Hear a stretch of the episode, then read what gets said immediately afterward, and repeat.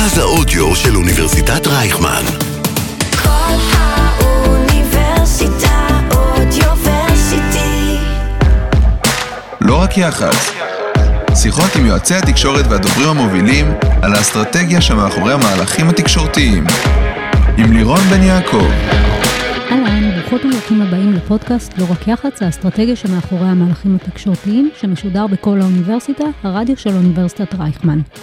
אני לירון בן יעקב, מרצה בבית הספר סמי עופר לתקשורת באוניברסיטת רייכמן, המרכז הבינתחומי, דוברת ומנהלת תקשורת. נמצאת איתנו היום דניאלה פרוסקי סיון, סמנכ"לית תקשורת, קשרי חוץ וקיימות בלוריאל ישראל, שתדבר איתנו על תקשורת, מערכות יחסים עם צרכנים וקיימות בתחום הביוטי. דניאלה החלה את הקריירה שלה כמנהלת גיוס משאבים בתנועה לאיכות השלטון. לאחר מכן שימשה כיועצת פרלמנטרית בכנסת. בהמשך עברה למגזר העסקי ושימשה כיועצת אסטרטגית לארגונים ולתאגידים ציבוריים גדולים בנושא אחריות תאגידית וקיימות ושילוב עקרונות ה-ESG באסטרטגיה העסקית. בהמשך דרכה שימשה כמנהלת גלובלית של תחום הקיימות והתקשורת הארגונית בקבוצת שטראוס. החל מ-2019 משמשת כסמנכ"לית תקשורת קשרי חוץ וקיימות של לוריאל ישראל וחברת הנהלת החברה. בנוסף לדיי ג'וב, היא מתנדבת כחברת ועד ביישוב מגוריה, ועד לאחרונה שימשה כיו"ר הנהגת ההורים בבית הספר של ילדיה. היי דניאלה, היי לירון. מה שלומך? מעולה, תודה שהזמנת אותי. פספסתי אותך בשטראוס. לגמרי, איזה באסה, נראה לי שהיינו יכולות להיות אחלה חברות. לגמרי, אבל הנה, את כאן, ואנחנו מכירות. תענוג. היו לך מעברים מאוד מעניינים במהלך הקריירה שלך, ממגזר חברתי לממשלתי, בשנים האחרונות עוד בעיקר במגזר העסקי. המעברים האלה שירתו אותך? לקחת מהחברתי לעסקי, לציבורי, היום את גם מנהלת קשרי החוץ, אז הקשרים שלך מהמגזר הממשלתי היום משרתים אותך? ספרי לנו קצת על מאוד. אני חושבת, הדרך המקצועית שלך. אז אני חושבת שמכל אחד מהמגזרים לקחתי משהו אה, מאוד משמעותי. מהמגזר החברתי, אה, את ההיכרות הבלתי אה, אמצעית עם האילוצים הבלתי אפשריים שהמגזר הזה מתמודד איתו, בראש ובראשונה משאבים, אה, שכולם בעצם צריכים לחלוק עוגה מאוד מצומקת. ומה בעצם אה, עומד מאחורי המניעים של, ה, של הפעילות שלהם, וזה משהו שאני משתמשת בו הרבה מאוד גם היום במסגרת העבודה שלי. ובמגזר הציבורי, באמת גם את, ה, את אופן העבודה ואת האינטרס, מפת האינטרסים הגדולה שצריכים להתחשב בה, וה, והגורמים השונים שמניעים דברים, ובאמת איך עובדים עם אה, ממשקים כל כך מרובים. אה, והמגזר העסקי, יש לו את הטמפו שלו, יש לו את הקצב האחר, ויש לו את ה, אה, הקצב המהיר והיכולת השפעה מסוג אחר. אבל אני חושבת שכן, משהו במעברים האלה בין המגזרים הכין אותי בצורה מאוד מאוד יסודית למה שאני עושה היום. איך הגעת לעולם התקשורת, עולם יחסי הציבור? אז, אה, אז האמת היא שבקבוצת שטראוס בעצם הייתה ההתנסות הראשונה שלי בעולם התקשורת. אה, לא כעוזרת פרלמנטרית? גם כעוזרת פרלמנטרית, אבל שמה אני חייבת להגיד שבסופו של דבר, אתה, את מייצגת כאילו, אה, בסופו של דבר, מותג אחד, שזה חבר הכנסת שאת עובדת איתו. אה, אז בסופו של דבר, בתוך, אם, אם זה לא מישהו אה, אה, שהוא שר בכיר או זה, פרופיל תקשורתי גבוה. בסופו של דבר, פרופיל תקשורתי יחסית בינוני, אז ההתנסות היא, היא מאוד מאוד uh, מסוימת. ואני חושבת שהפעם שה, הראשונה שככה באמת, uh, גם עבדתי בחברת uh, ייעוץ uh, בין הכנסת לבין שטראוס, שעסקה ב, uh, גם בקשרי חוץ ותקשורת. אבל אני חושבת שההתנסות המשמעותית הראשונה שלי הייתה בקבוצת שטראוס, שמה, אני חושבת שפחות משנה לאחר הכניסה שלי לזה, uh, התחיל משבר ה... קוטג', המשבר, אה, המחאה החברתית הגדולה, ושם באמת אה, היה לנו במלוא אה, עוזו משבר תקשורתי ממדרגה ראשונה. אז אמנם לא הייתי אז אחראית על התקשורת, אבל הייתי חלק מהיחידה הזו והייתי חלק מהעשייה וחלק מהמעגל הרחב, בוא נקרא לזה, ו- ושם באמת את רואה את ההשפעה העצומה שיש לתקשורת על החיים, על החיים של כולנו. ואחר כך באמת כאחראית על התקשורת הארגונית בתוך החברה אמנם, אבל עם ממשקים מאוד הדוקים למה שקורה מחוצה, מחוצה לה. אז אני חושבת שש, ששם באמת... וכמובן בלוריאל, ששם אני אחראית על כל התחום התקשורתי ועל כל היחסי ציבור והדוברות של המותג התאגידי והמותגים השונים. בואי רגע, על... תספרי לנו קצת על לוריאל ישראל. אז לוריאל ישראל היא חברת בת של אה, לוריאל העולמית, שהיא חברת הביוטי הכי גדולה בעולם. זו חברה צרפתית של 110 שנים, עם מטה בפריז. אה, כמעט 90 אלף עובדים ב-150 אה, מדינות, ו-35 מותגים, אנשים אולי לא יודעים, אבל אנחנו בעצם בעלים של המותגים הכי גדולים בעולם בתחום הביוטי, אם זה לוריאל פריז ומייבלין ניו יורק וגרניה, בחטיבת המוצרי צריכה שלנו ובחטיבת היוקרה מותגים כמו לנקום ואיב סן לורן וארמני וקילס והרבה מאוד מותגי ביסום אה, אה, של מעצבים, אה, מוגלר, עזארו, אה, קשרל, הרבה מאוד אה, מותגים כאלה, אה, מותגי דרמו. קוסמטיקה כמו וישי, לראש פוזה, סרווה, ומותגים יותר לעולם המקצועי של המספרות, כמו קרסטס ולוריאל פרופסיונל. זה בית של מותגים. זה בית של מותגים, אה, ובעצם אה, כולם שייכים אה, ללוריאל. אה, זוכ- ומה בישראל? בישראל אנחנו באזור האלף עובדים, יש לנו מטה אה, בנתניה, מרכז לוגיסטי בקיסריה. אנחנו בעצם מייבאים את המוצרים השונים אה, ומשווקים אותם אה, ומפיצים אותם בלמעלה מ-8,000 נקודות מכירה בכל הארץ, בכל ערוצי ההפצה, כל רמות המחיר. אה, ואנחנו בעצם חברת הביוטי הכי גדולה גם כאן אה, בישראל.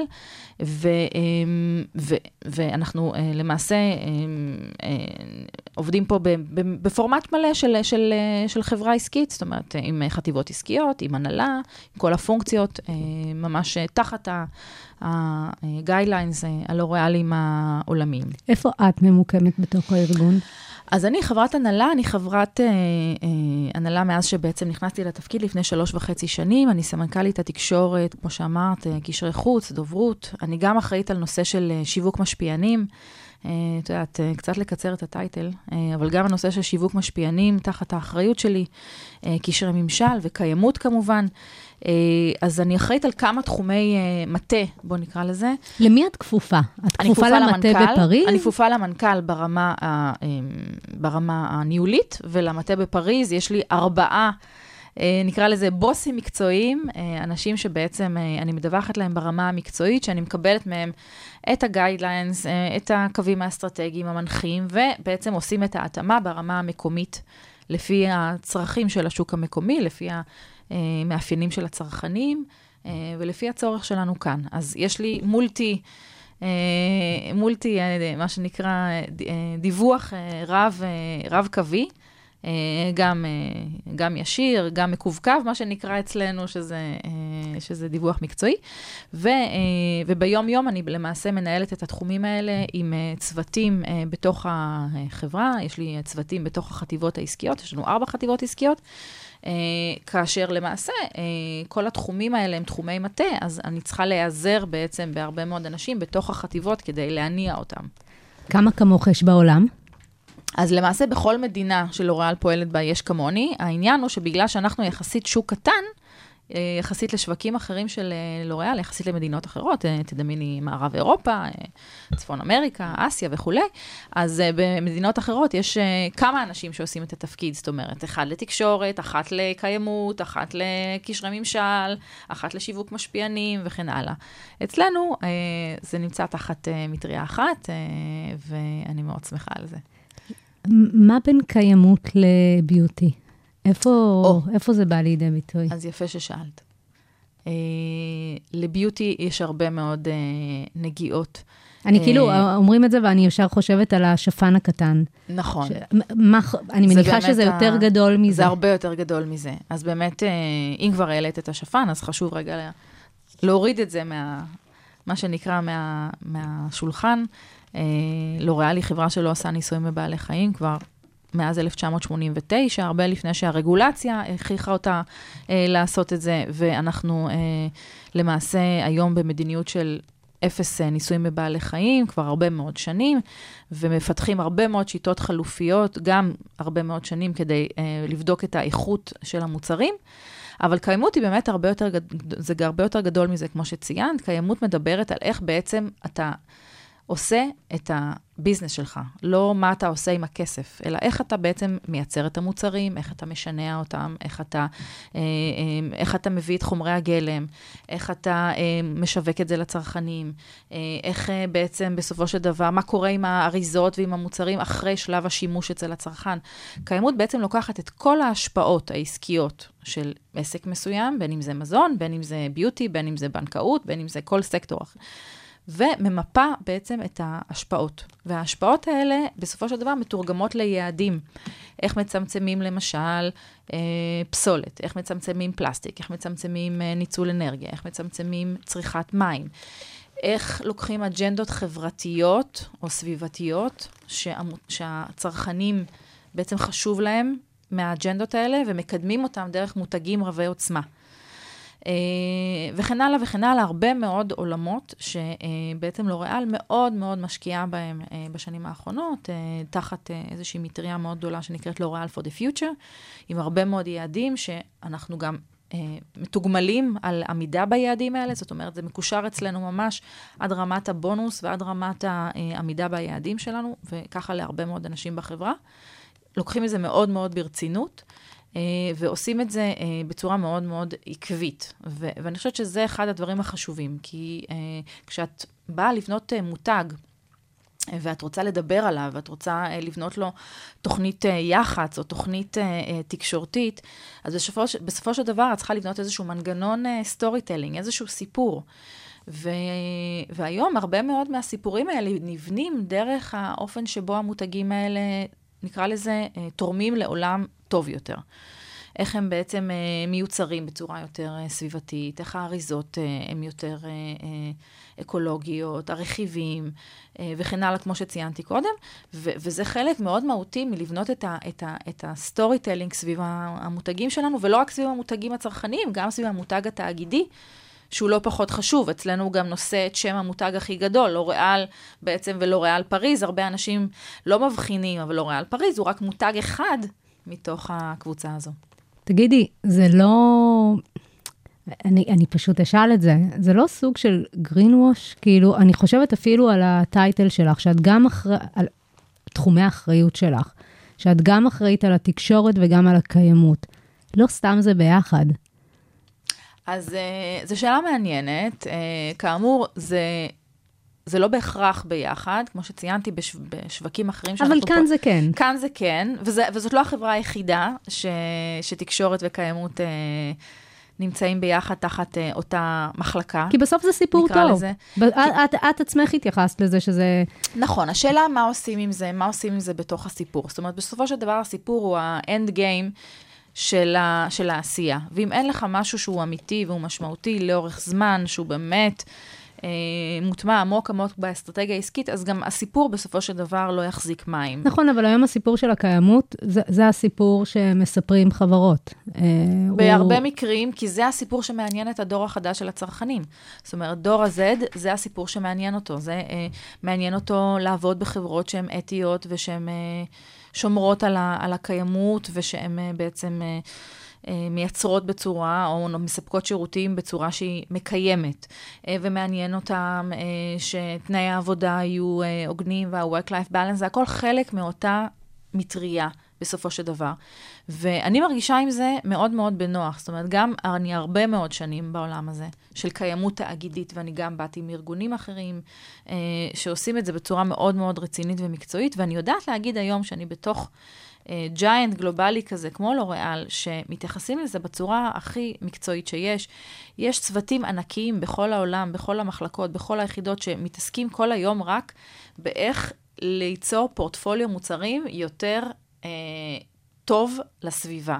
בסופו של דבר, אנחנו כאנשי תקשורת, אנשי יחסי ציבור, אנשי תקשורת, בסופו של דבר אנחנו בונים את הסיפור מהרבה מאוד אלמנטים קטנים. אה, ואנחנו צריכים, אבל משהו שהוא יהיה אמיתי ושיהיה הוק שהוא אמיתי והוא לא אה, אה, חולף. הגרין ווש נוצר כשבאמת, אה, כשבעצם הפנים והחוץ לא תואמים. כשאומרים משהו שלא תואם באמת את העשייה, עושים את זה באמת רק לצורכי יחסי ציבור. אז כן, גם בזה לפעמים חוטאים.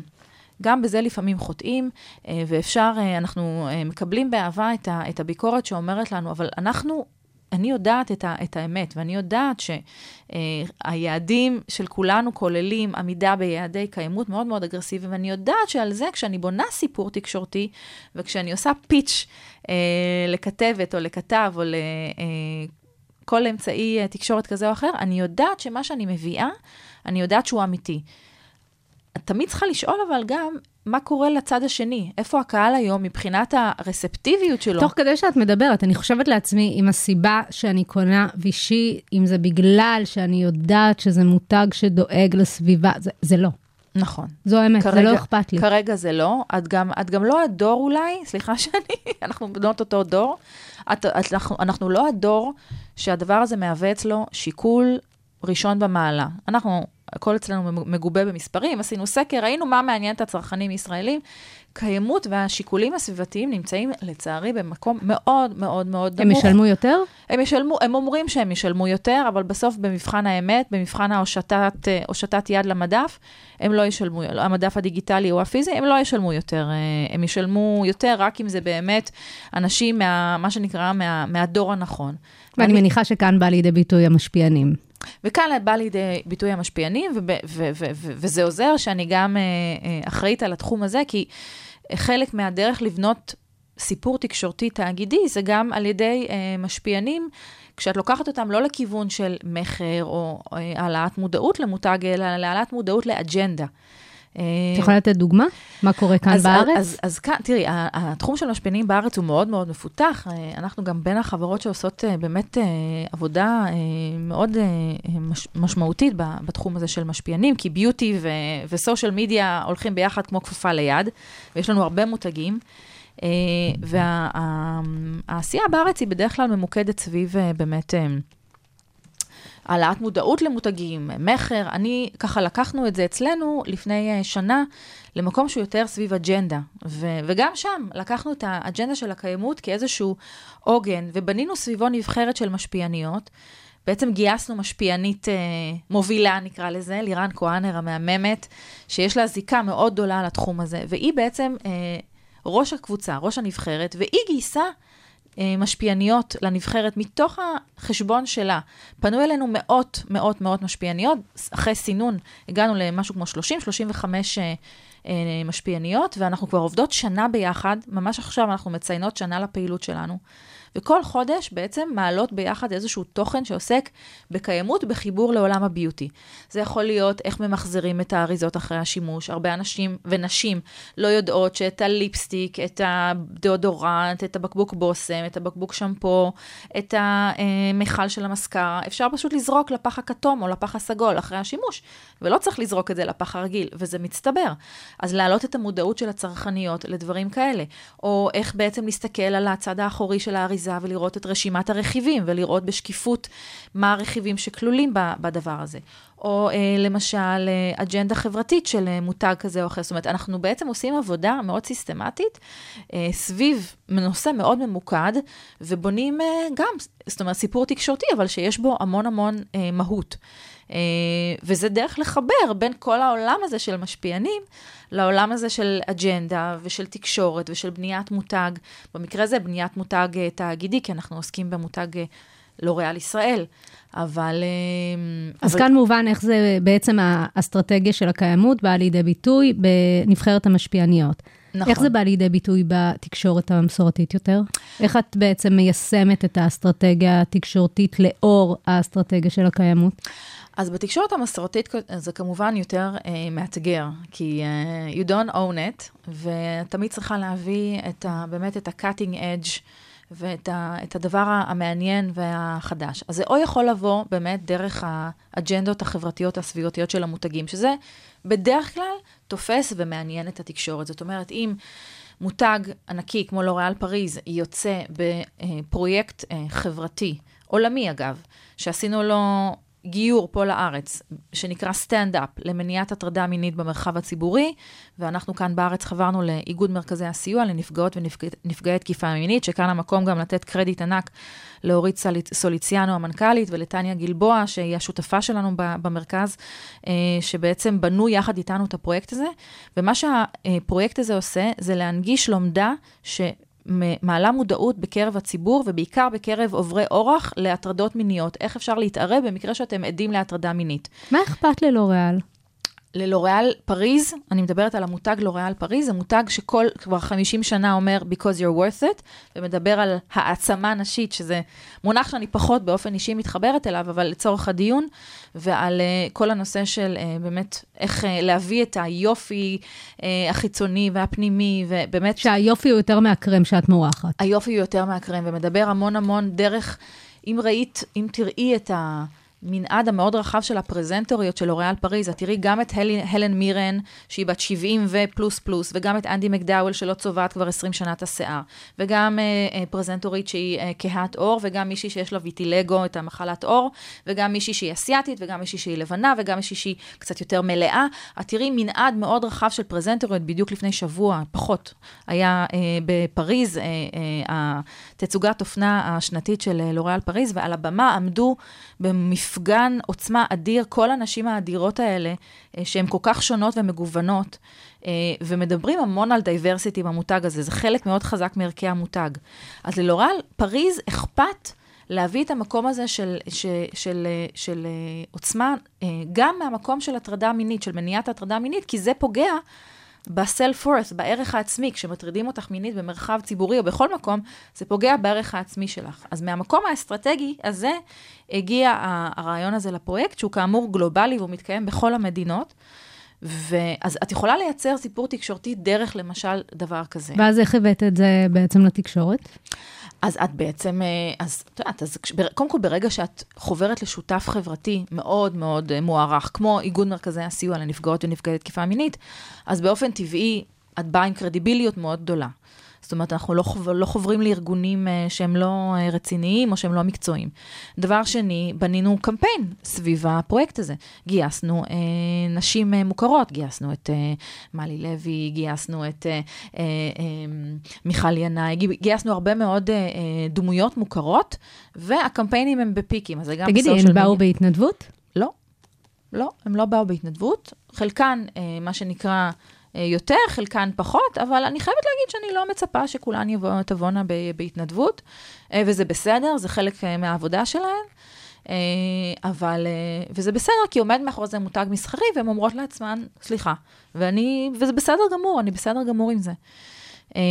אז את בונה איזשהו סיפור שיש לו פיקים תקשורתיים לאורך השנה, וכשאת באה ואת מדברת עם אורחים או אורחות, כתבים או כתבות, זה מעניין, כי זה משהו שנותן גם ערך לצרכן או לצרכנית. ברגע שיש ערך מאחורי הסיפור, אז פה זה לומדה אינטרנטית שבחמש דקות את לומדת חמישה צעדים פשוטים איך למנוע הטרדה מינית כשאת תהיי עדה לה. אוקיי? אז פה זה מביא ערך, ויש הרבה דוגמאות אחרות כאלה, אבל את, זה, זה דרך אחת. דרך אחרת זה באמת שאת uh, מביאה משהו חדש, למשל, uh, ליין חדש של uh, uh, מוצרי הגנה לשמש, של הראש פוזה, שמותג לראש פוזה, שהוא אחד המותגים המובילים שלנו, שהוא יוצא עכשיו כל כולו בטיובות uh, שהן אה, מקרטון ולא מפלסטיק. למה? כי לוריאל עשתה שיתוף פעולה עם סטארט-אפ שמפתח אריזות אה, מקרטון לתעשיית הקוסמטיקה. זה משהו שהוא חדש. אז זה משהו שמעניין. אוקיי? אז... מי תא הכתבים שאת עובדת מולו? כי זה נשמע שזה לא, זה לא רק lifestyle beauty. לא, זה מאוד מגוון. זה יכול להיות באמת אה, כתבי שיווק, אוקיי? שבאים מה, מה, מהזווית השיווקית, אה, כמו למשל האג'נדות שסיפרתי לך. זה יכול להיות uh, כתבי לייפסטייל וצרכנות, שזה מגיע ממקומות יותר של רכיבים, של uh, uh, הערכים המוספים של המוצר עצמו, מה יש במוצר עצמו, לא, המו, לא הערכים שעומדים, הנשגבים שעומדים מאחוריו. Uh, אבל זה יכול להיות גם uh, כתבי קיימות, uh, שאין הרבה, אבל uh, יש כמה. Uh, ו, וזה יכול להיות גם, את uh, יודעת, מדורים, uh, מדורים פיננסיים, שזה מגיע מתוך... Uh, מתוך התוצאות העסקיות ומתוך, אה, או מתוך אה, thought leadership של אה, המנכ"ל שלנו, אלי שגיב, שבעצם כותב איזשהו טור דעה על איך הוא חושב שהעסקים היום בעידן הזה צריכים להתנהל לאור כל מה שקורה בעולם, לאור משבר האקלים, לאור דור ה-Z וכולי וכולי. אז זה מאוד מגוון, אני חייבת להגיד, זה מאוד מגוון, אני ככה מריצה בראש את השמות, תוך כדי שאני מסתכלת עלייך, וזה נורא נורא מגוון, אני עובדת גם עם משרדי uh, יח"צ ותקשורת מאוד, uh, ככה מאוד קרוב, אז uh, היי דניאלה, הילה. אז, אה, אז כן, אז הם גם עוזרים לי מאוד ב- במסע הזה. מה האתגר המרכזי בתפקיד שלך? אמ, תראי, אני, אני, אני כאילו חולשת על כמה עולמות, גם נושא של תקשורת ויח"צ, גם קיימות, גם שיווק המשפיענים, גם קשרי ממשל. חושב, זה, זה, זה, זה תחומים שנהוג להגיד עליהם שהם לא מביאים כסף, הם מוציאים כסף, זה תחומי מטה. שיווק משפיענים הוא קצת אה, פחות בהקשר הזה, כי באמת הוא, הוא מחובר מאוד מאוד חזק ל, לעשייה השיווקית של החטיבות. הוא גם מאוד מכירתי. הוא גם. מאוד, נכון. אבל כשאת באה, כשאת עוסקת במשהו שהוא בסופו של דבר, הוא בניית התדמית, או בניית, אה, בניית הסיפור המותגי, בין אם הוא תאגידי ובין הוא צרכני, אני חושבת שהאתגר הכי גדול הוא לייצר אימפקט. אני חושבת שזה האתגר הכי גדול. תגדירי אימפקט. מה, הוא, מה, מה מבחינתך זו הצלחה? בסופו של דבר, אה, אני התחלתי למדוד את הנכסיות של מותג התאגיד. זאת אומרת, לא, לא מדדו את זה לפני כן, מדדו את המותגים הצרכניים. את יודעת, את לוריאל פריז, את וישי, את לנקום, את זה, את זה מדדו כמובן. אבל את המותג התאגידי, לא היה נהוג למדוד. למה זה חשוב? למה זה חשוב? כי בסופו של דבר, את רוצה שיבוא לעבוד אצלך כוח אדם איכותי, את רוצה להיות מעסיק נחשק ומועדף, את רוצה שהשותפים מהמת, שלך... מהמקום של מיתוג מעסיק. מהמקום של מיתוג מעסיק, לא רק, אבל הרבה מאוד מה, מהסיבה זה מקום של מיתוג מעסיק. את רוצה שהשותפים והספקים והקמעוניים יתגאו לעבוד איתך, ירצו לעבוד איתך, את רוצה להיות, להיחשב כחברה מאוד מאוד אתית, מאוד מאוד אחראית, מה שנקרא אה, תאגיד אזרח, אזרחי אחראי, corporate citizen, את רוצה להיחשב כזה? את רוצה אה, שרשויות השלטון, הממשל, אה, יהיו איתך בקשר חיובי ויראו בך כ, כחברה שהיא מאוד מאוד אתית, מאוד מאוד אחראית, מתנהלת תמיד על, על פי סטנדרטים רגולטוריים מאוד מאוד גבוהים. זאת אומרת, כל הדבר הזה מורכב בסופו של דבר מהרבה הרבה מאוד פעולות, מהרבה מאוד מערכות יחסים 360 שאנחנו מנהלים עם כל מחזיק עניין שבא איתנו אה, במגע. Uh, וזה חשוב, זה חשוב לבנות את הסיפור, גם התאגידי, לא רק הצרכני. בסופו של דבר, אנחנו גם חברה גלובלית, אנחנו מדווחים על כל פרמטר שקורה בחברה uh, לחברת האם שלנו, uh, ללוריאל, לקבוצ... לקבוצת לוריאל. אנחנו נמדדים על כל דבר, אנחנו נמדדים גם על מותג התאגיד. אז להתחיל למדוד את מותג התאגיד על בסיס שנתי ולראות מה הצרכנים חושבים על הדבר הזה שנקרא לוריאל ישראל, ולא רק לנקום או ארמני או מייבלין, ניו יורק, זה מאוד מאוד חשוב. אה, זה מאוד מאוד חשוב, כי זה, זה בעצם ה, הקיימות שלנו, תרתי משמע, כן. כן. לעוד הרבה מאוד שנים קדימה. יש דוברים שאוהבים לשמוע את עצמם ולראות את עצמם על המסך. זה חשוב להם, כחלק מהמיתוג שלהם וכחלק מהייצוג שלהם את הארגון. הם הרבה פעמים גם הפרזנטורים ההסברתיים של הארגון שהם מייצגים. עד כמה לדעתך מנהלת התקשורת צריכה להיות בפרונט? אני חושבת שמנהלת התקשורת לא צריכה להיות בפרונט אם זה לא ה- ה- תחום ההתמחות שלה. זאת אומרת, קודם כל צריך להביא את מי שתחום ההתמחות שלו הוא מייצג את הנושא שב, שבגינו אנחנו עוסקים. אה, אם זה ייצור, אם זה שיווק, אם זה לוגיסטיקה, זאת אומרת, צריך להביא את הדובר הכי הכי אה, מקצועי. הרבה פעמים לשים דובר או דוברת בפרונט, אה, זה אולי הדבר הנכון מבחינת... אה, זה יותר נוח הרבה יותר פעמים, נוח, בואי, לא צריך אבל- להתחיל להכין את הבן אדם. בדיוק, בדיוק, אבל הרבה פעמים זה נתפס כמישהו שהוא בא מטעם, זה מישהו שאולי עושה cover-up, זה מישהו שהוא לא מדבר הכי אותנטי, ואני חושבת שבזמנים שאנחנו נמצאים היום, יש פחות ופחות סיבולת ציבורית לדבר הזה. בסופו של דבר רוצים לראות את, ה, את הבן אדם שאחראי. המנכ"ל כמובן הוא אחראי. לפעמים זה נושאים שצריך באמת אה, דוברות אה, ככה יותר מקצועית, שיכולה להסביר את זה. אבל באופן עקרוני, אם את שואלת אותי, אני חושבת שהבן אדם הכי נכון שצריך לעמוד, לפעמים זה צריך להיות ליד הדובר אולי, לא במקום, אבל הבן אדם הכי מקצועי שעוסק בנושא שבו... והפרסונה המקצועית. הפרסונה המקצועית, חד משמעית. זה הכי אמין. זה הכי אמין. בואי נעבור לשאלון המהיר. אני אשאל אותך חמש שאלות, אני אשמח אם תעני לי בקצרה, בלי לחשוב יותר מדי. קדימה. מה הלקח שלמדת מהמשבר הכי גדול שטיפלת בו? וואו, אז אה, אני חושבת שהמשבר הכי גדול שטיפלתי בו, אה, ככה, בקדנציה שלי בלוריאל, אה, לצערי הרב, נאלצנו לסגור מפעל לאחרונה. אה, היה לנו מפעל אה, אחד בארץ, ונאלצנו לסגור איתו מסיבות, אה, החלטה גלובלית של לוריאל העולמית. אה, וזה משבר, זה משבר כי יש שם אנשים, בראש ובראשונה, וצריך לדאוג להם בראש ובראשונה. אה, והלקח הכי גדול שלמדתי שם, זה שאין תחליף להיעזרות באנשי אה, מקצוע מומחים אה, בתחומים האלה של אה, ניהול משברים ושל תקשורת, ואנחנו נעזרנו לכל אורך התקופה הזאת, שהייתה לא קצרה בכלל, כמה חודשים טובים מאוד, בקאדר אה, מדהים של אנשי מקצוע, אה, שליוו אותנו אה, בוקר, צהריים וערב. ויחד טיפלנו בהרבה מאוד מוקשים שעלולים היו להתפוצץ לנו בפנים, ולשמחתי הרבה uh, הצלחנו לעבור אותם. ואני חושבת שלהתייעץ ולהבין שלא כל הידע נמצא אצלנו, ולהתייעץ עם אנשי מקצוע, גם כשמדובר במקומות כואבים, שפוחדים אולי לחשוף, ופוחדים אולי להכניס למעגל ההתייעצות כל מיני אנשים שאולי זה לא ידלוב, אין, אין, אין, אין, אין תחליף. בסופו של דבר, בן אדם מנוסה, או בן אדם שמכיר את המטריה, אה, לא כל משבר אנחנו חווינו כבר פעם בחיינו ואנחנו נדע איך להתנהל, וזה חשוב מאוד להקיף את עצמך באנשים שיודעים אפילו יותר טוב ממך. לקחתם לצורך המשבר הזה אנשים ספציפית אה, שיעזרו לכם? אז יש לנו, יש משרד... לנו, אה, יש לנו משרד, אה, מה שנקרא ייעוץ אה, במשברים, אה, משרד קבוע, אה, ויש לנו גם חברת יחסי ציבור, ויש לנו, אבל לקחנו גם, אה, את יודעת, היינו צריכים לעבות את זה, אז לקחנו אנשים מכל מיני תחומים, ו, אה, וזה זה הוכיח את עצמו. זה הלקח הכי חשוב, שבסופו של דבר היום, ברטרוספקטיבה, מתי זה היה? ממש השנה, זה היה בתחילת השנה הזו, בתחילת 22. אה, ובסופו של דבר, הדבר היחיד שעניין אותנו זה, זה העובדים, ולשמור עליהם, ולשמור שבעצם הם יהיו, אה, יצאו הכי טוב שאפשר מהסיפור הזה, שהוא סיפור לא נעים, אבל בסופו של דבר הוא היה צריך לקרות. ו, ו, ובסופו של דבר, העזרה המקצועית החיצונית הזו, אה, זה הלקח הכי חשוב שאני יכולה ככה לספר עליו. איזו טעות מקצועית עשית ומה למדת ממנה? טעות מקצועית. אז אני חושבת ש...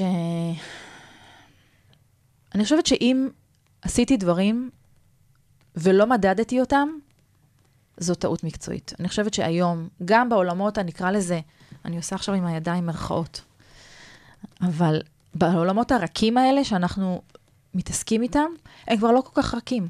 אז זהו, שהם לא בואי, כל כך הכל רכים. בדיגיטל היום. הכל בדיגיטל, הכל מדיד. אם עושים דברים ולא קובעים להם מראש אה, פרמטרים אה, מדידים ויעדים, ולא בודקים את זה לפני, תוך כדי ואחרי, אני חושבת שזו טעות גדולה. אני חושבת שהיום כל דבר שעושים, גם דברים של אג'נדות חברתיות וגם דברים סביבתיים, בטח דברים סביבתיים, כל העולמות האלה וגם הדברים התקשורתיים, אצלנו כל דבר בתחום הזה של תקשורת נמדד.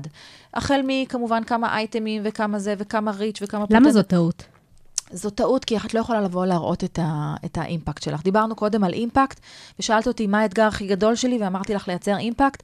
הרבה פעמים בחטיבות העסקיות, מה הבעיה? יש מכירות, הם מביאים, משיקים מותגים, אה, יש להם יעדי מכירות, הם עברו את המכירות. יודעים מה עובד ומה לא. עברו, יודעים מה עובד, מה לא, מקסימום מושכים את המוצר, מקסימום עושים לו זה, איזשהו liquidation, איזשהו מבצע, איזשהו זה. בתחומים שלנו, את חייבת כל הזמן להוכיח את עצמך. את כל הזמן חייבת להראות אימפקט. אם את לא מודדת, אם את לא מראה, והיו מקרים אה, בודדים, ספורים אמנם, מה שנקרא, תפסתי את עצמי מהר, שלא מספיק מדדתי טוב, או לא, או לא מדדתי בכלל, ואז לא יכולתי לבוא להגיד, כאילו, והיום מהבטן, את לא יכולה לבוא ולהגיד, וואלה, זה הצליח, כאילו, סליחה, על סמך מה בדיוק? ומה, כל הזמן תוציאי מחקרים, וכל הזמן תעשי סקרים, זה עולה יותר כסף מאשר פשוט לעשות את זה מראש. אז אני חושבת שזה הדבר העיקרי. מה הייתה ההצלחה המקצועית הכי גדולה שלך? היא הייתה בלוריאל? תראו, תראי, היו לי גם הצלחות מקצועיות במקומות אחרים, ו- וכמובן בשטראוס, שהיה אה, בית אה, מדהים שלי במשך אה, כמעט עשור. אה, אבל אני כן דווקא רוצה להתייחס אה, לפרק הנוכחי בחיים שלי, שזה הפרק בלוריאל. אני חושבת שכשאני הגעתי, החברה אה, הייתה לה אסטרטגיית אה, קיימות, והיא הייתה מחוברת לפן התקשורתי, והיו אה, מה שנקרא, אצלנו זה נקרא proof points, בעצם נקודות הוכחה, דברים שאפשר לדבר עליהם כדי לייצר סיפור תקשורתי. אבל זה לא היה אה, מה שנקרא מוטמע בתוך האסטרטגיה העסקית, וכולם עבדו בזה, ו... ואני חושבת שההצלחה המקצועית הכי גדולה של זה לקחת נושא שהוא לא סקסי אולי, והוא לא נמצא בראש סדר העדיפויות של הצרכנים בישראל, ולכן גם זה תמיד יהיה פחות חשוב, כי תמיד קודם כל צריך uh, לעמוד בציפיות של הצרכנים, נכון? לקחת נושא כזה ולהכניס אותו עמוק עמוק בתוך, ה, נקרא לזה, בתוך השיח הארגוני. אז זה גם בהדרכות והכשרות של העובדים, וזה גם באירועים, וזה גם כל האירועים הם ירוקים עכשיו, וזה גם כמובן ב, ב, ביעדים שכל החטיבות צריכות לעמוד בהם, וגם אה, אה, שמתבצעים על זה דיונים תקופתיים ופגישות גופתיות. ו... כלומר, לקחת נושא שהוא היה פעם איזוטרי, כמובן, גם בדחיפה מאוד גדולה של הגלוב, אבל בסופו של דבר, אם את לא דוחפת את זה פה מקומית, אז זה לא קורה. אני חושבת שזו ההצלחה הכי גדולה שאני יכולה כך, אה, ככה להגיד, של לקחת נושא כזה ולהפוך אותו למיינסטרים, זה בפירוש אה, אפשר להגדיר אותו כהצלחה. מי האדם שלמדת ממנו מקצועית הכי הרבה? וואו, אז זו תמיד שאלה שככה קצת, אה, אני, את יודעת, חושבת עליה, כי אני חייבת להודות, אני חייבת להודות, אין איזה אדם, אה, אה, אחת או אחד שלמדתי ממנו הכי הרבה. יש הרבה אנשים שמרכיבים את פסיפס ההשראה שלך, אה, ההשראה שלי, לאורך השנים, אבל אה, אני חושבת שאם אני צריכה ככה להגיד, ממי אני הכי שואבת השראה ולומדת, כי בסופו של דבר, הלמידה הזאת מייצרת אצלך את, ה, את הצורך ללמד את עצמך, זה מהצרכנים שלנו. הצרכנים של היום, מה שכבר אה, דיברנו עליו, דור ה-Z החדש, הצרכנים החדשים, מהם אני הכי אה, לומדת. כי הם מאלצים אותך להיות גרסה יותר טובה של עצמך, גם כמותג, גם כחברה מעסיקה, גם כתאגיד, גם כבן אדם. זאת אומרת, את רואה שהעולם משתנה וזה לא סתם. אה, ואני חושבת שגם את נמצאת בתוך ארגון גדול וחברה צרכנית, ואת גם רואה את זה, שהציפיות של היום זה לא ציפיות של פעם. ואנחנו לא צריכים מחאה חברתית בשביל שנדע את זה. והצרכנים האלה של דור ה-Z מלמדים אותי אה, שזה לא מספיק. אה, זה לא מספיק מה שהיה פעם, זה לא יספיק רק לייצר מוצרים טובים. המוצרים הטובים האלה צריכים להיות מיוצרים בתנאים הכי הוגנים, ובלי כמובן אה, אה, להרוס את הטבע, ובלי לדלדל משאבים, ובלי כמובן לפגוע בבני אדם, והם צריכים להיות ארוזים באריזות הכי סביבתיות, והם צריכים להיות משווקים באופן הכי... אה, שמכבד אה, גיוון והכלה, ומכבד את האוכלוסיות, ונותן מקום... ואת עושה התאמה למוצר ולמהלכים שלך בהתאם למה שאת שומעת מהצרכנים? חד משמעית, חד משמעית. ההקשבה הזאת, להיות עם האוזן, זה חלק מהתפקיד של מנהלת תקשורת, או מנהל תקשורת uh, טובים, וגם קיימות אגב, להביא את הקול החיצוני הזה קודם כל לשולחן ההנהלה, לשולחן מקבלי ההחלטות בכל מקום.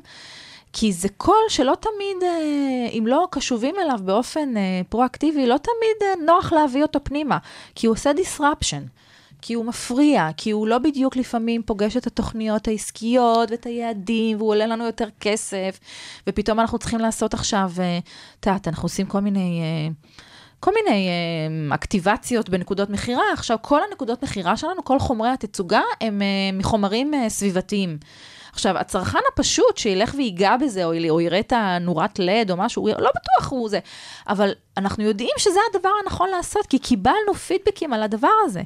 אז, אז, אז בהחלט, כלומר, את, את שומעת את הפידבקים, את מכניסה אותם פנימה, זה לא דברים לפעמים שקורים מחר בבוקר, זה דברים שעולים הרבה כסף, זה תהליכים. אבל כן, אנחנו משנים את צורת הפעילות שלנו בעקבות הפידבקים החיצוניים, וזה, תקשורת אה, היא... היא פונקציה מאוד מאוד קריטית בתוך הדבר הזה, להביא את כל הקולות האלה פנימה לתוך הארגון. מה הטיפ שלך למי שרוצה להיכנס לתחום? וואו. לתחום של תקשורת, לגמרי. אמ, תראי, זה, זה באמת, התחום הזה נראה אחרת בכל ארגון. גם בתוך העולם העסקי זה נראה אחרת. אה, אני חושבת שהטיפ הכי גדול שלי זה קודם כל אה, לא לפחד לרוץ למרחקים ארוכים. הרבה פעמים העבודה, היא, יש לה אה, החזר על השקעה אה, לא מיידי. נהוג לראות, אה, אוקיי, הוצאנו הודעה לעיתונות, יצאה כתבה, זה כאילו ה payback שלנו, זה כאילו הגמול, אבל זה לא, זה לא. בסופו של דבר, הגמול האמיתי הוא לבנות, ודיברנו על זה, לבנות את, ה, את המותג, לא משנה אם הוא צרכני, תאגידי, ציבורי, חברתי, עסקי, לבנות את המותג בצורה נכונה, קונסיסטנטית, לאורך הרבה מאוד זמן. ומי שיש לו את ה... סליחה, את הטוסיק הזה, לשבת הרבה זמן ולחכות, ובאמת ככה להיות סבלני, אני חושבת שזה אה, טיפ מאוד מאוד גדול. הרבה פעמים גם אה, אה, מסתכלים עלינו קצת, קצת כווירדאוס כאלה בחדר, כאילו שאנחנו מביאים כל מיני רעיונות וכל מיני זה, אז צריך לא לפחד להיות ה weirdos האלה, והאנשים האלה שמביאים קצת רעיונות אקס, אקסצנטריים. אה, ואני חושבת שאלה הטיפים המרכזיים שלי. מעולה. מעולה. אחד הדברים שאני מאוד אוהבת בתחום זה הניצחונות המהירים. נכון. ולצד זה, כן, נכון. הטווח הארוך. אבל נכון. הניצחונות המהירים האלה זה זה סם. ממש. עד כאן לא רק יח"צ, האסטרטגיה שמאחורי המהלכים התקשורתיים. המון תודה לדניאלה פרוסקי-סיון, סמנכ"לית תקשורת, קשרי חוץ וקיימות בלוריאל ישראל. המון בהצלחה. תודה רבה, לירון. תודה שבאת. איזה כיף, תודה. מוזמנות ומוזמנים להירשם כמנויים של הפודקאסט לא רק יח"צ. אפשר למצוא אותנו באפליקציות הפודקאסטים ספוטיפיי, אפל וגוגל, ובאתר כל האוניברסיטה של אוניברסיטת עם